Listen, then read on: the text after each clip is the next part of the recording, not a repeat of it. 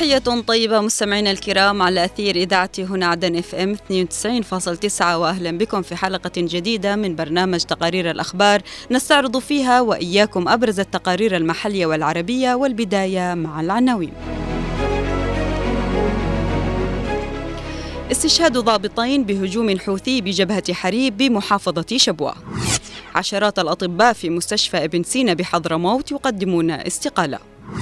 جماعة جماعة الحوثي ينقل قياداته من لبنان لثلاثة دول أخرى.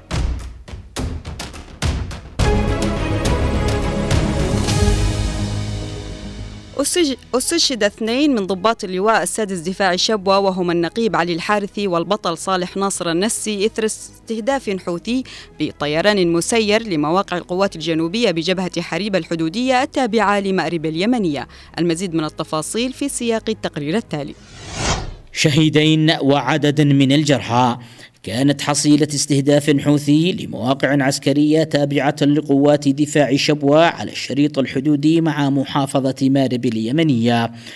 واستهدفت الميليشيات الحوثية بطيران مسير العديد من المواقع التابعة للواء الخامس والسادس لقوات دفاع شبوة المرابطة على الحدود مع محافظة مارب اليمنية. مما أدى إلى استشهاد جنديين من اللواء من قوات الدفاع وإصابة آخرين في جبهة ملعى بالقرب من مديرية حريب التابعة لمحافظة مارب اليمنية. خالد عمر برشيد رئيس الدار الإعلامية والناطق الرسمي للواء السادس دفاع شبوة. في أواخر 2023 تم استحداث موقع استراتيجي في مديرية عين.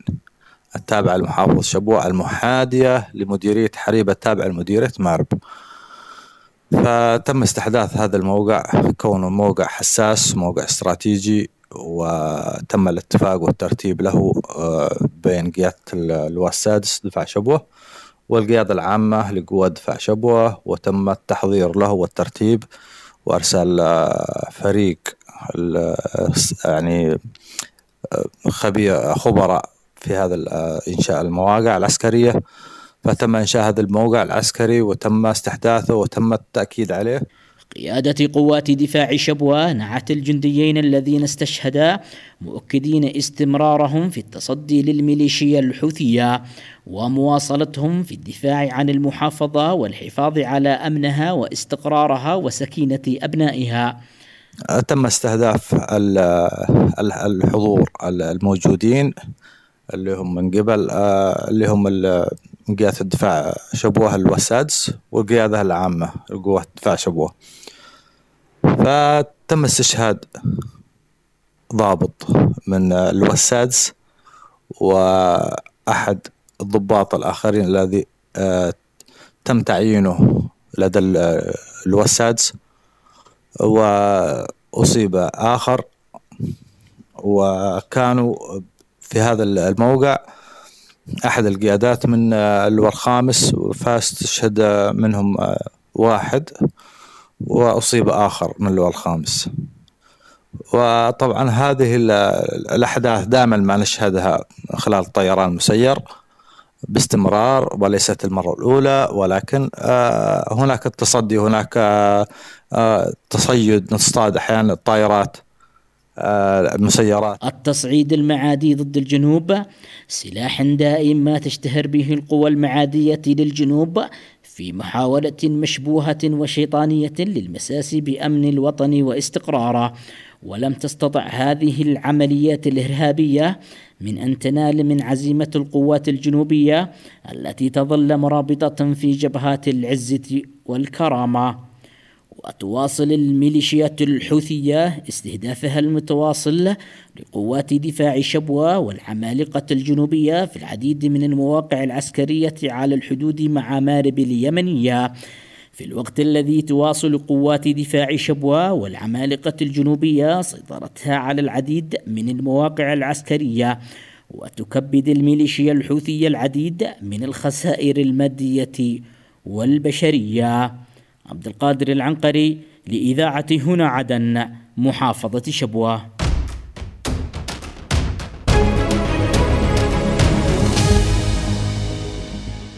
قدم أطباء قسم العزل الخاص بكورونا في مستشفى ابن سينا بالمكلا بمحافظة حضرموت استقالة جماعية احتجاجا على تردي وضع القسم وتأخر رواتب العاملين فيه واتهم الأطباء في مذكرة الاستقالة السلطات الصحية بتجاهل مطالب القسم واحتياجاته العاجلة. نتابع التفاصيل في التقرير التالي.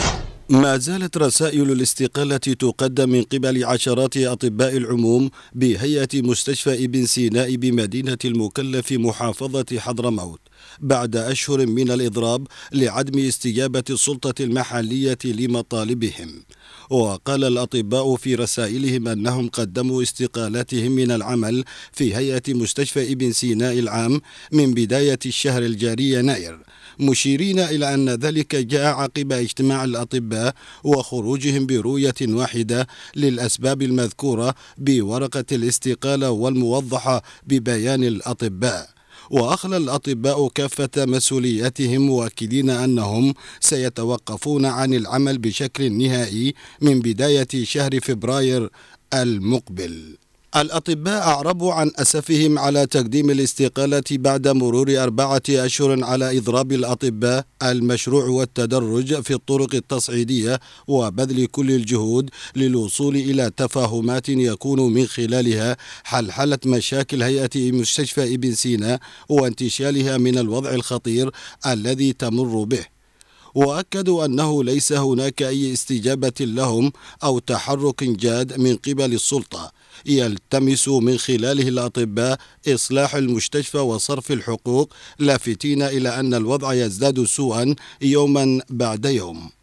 ودعا الأطباء بهيئة مستشفى ابن سينا كافة زملائهم من أطباء العموم وأطباء الامتياز والكوادر الصحية في ساحل حضرموت إلى الوقوف معهم ومساندتهم في خطوتهم التصعيدية والتي تمثلت في تقديم استقالتهم الجماعية احتجاجا على عدم الاستجابة لهم فيما تبنوه من إصلاح للمستشفى وصرف حقوق الأطباء وترسيخ نظام يكفل للطبيب حقه ويهيئ بيئة العمل فيما يتناسب خدمة المرضى وإخلاء مسؤولياتهم.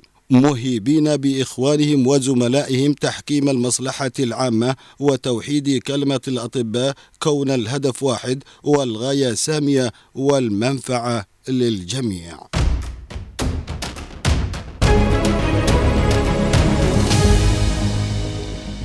كشفت صحيفة العين الإخبارية عن مصادر أمنية يمنية رفيعة بأن ميليشيات الحوثي الإرهابية نقلت قيادات لها في لبنان إلى العراق وإيران عبر سوريا خشية استهدافهم. تفاصيل أوفى في سياق هذا التقرير. حالة من الذعر والخوف استأثرت بقيادات العصابات الحوثية المتواجدة في لبنان أصبحت مطاردة بسبب إمعانهم في الإجرام والإرهاب فقد كشفت صحيفة العين الإخبارية عن مصادر أمنية يمنية رفيعة المستوى بأن ميليشيات الحوثي الإرهابية وبموجب تقديم استخباراتي مشترك مع حزب الله اللبناني قررت نقل قياداتها من لبنان وتوزيعها على ثلاث دول في المنطقة. المصادر ذاتها أوضحت أن الميليشيات وبموجب التقييم الأمني الداخلي المشترك مع حزب الله بدأت عملية نقل قيادات عسكرية وأمنية من جنوب لبنان إلى مناطق في داخل بيروت عقب مقتل نجل القيادي في حزب الله محمد رعد بغارة إسرائيلية أواخر نوفمبر الماضي. وبحسب المصادر فإن القيادات العسكرية والأمنية ستتوجه إلى إيران للبقاء هناك. بينما عدد قليل من القيادات ستبقى في العراق فيما القيادات التي تعمل في الجانب المالي ستنتقل إلى دولة ثالثة. تتواجد قيادات ميليشيات الحوثي بشكل رئيسي في لبنان حيث يدير الحوثي كثير من عمليات التدريب والتأهيل لقياداته وكوادره في معسكرات ومناطق حزب الله اللبناني الذي كان ولا يزال المسؤول المباشر عن دعم الميليشيات الحوثية في اليمن بالتنسيق مع الجانب الإيراني. ويأتي ذلك عقب شن ميليشيات الحوثي سلسلة من الهجمات محدودة الأثر باتجاه إسرائيل باستخدام الطائرات المسيرة والصواريخ بعيدة المدى. إلى جانب عشرات الهجمات التي شنها الحوثيون على سفن الشحن في البحر الأحمر برغم ارتباطها بإسرائيل وهي هجمات عطلت الطريق الرئيسي للتجارة العالمية. وردت أمريكا وبريطانيا منذ فجر الجمعة الماضي بعشرات من الضرب. ضد مواقع عسكرية للحوثيين بست محافظات مما أدى إلى تدمير نحو 30% من قدرات الحوثيين الصاروخية بحسب مصادر أمريكية.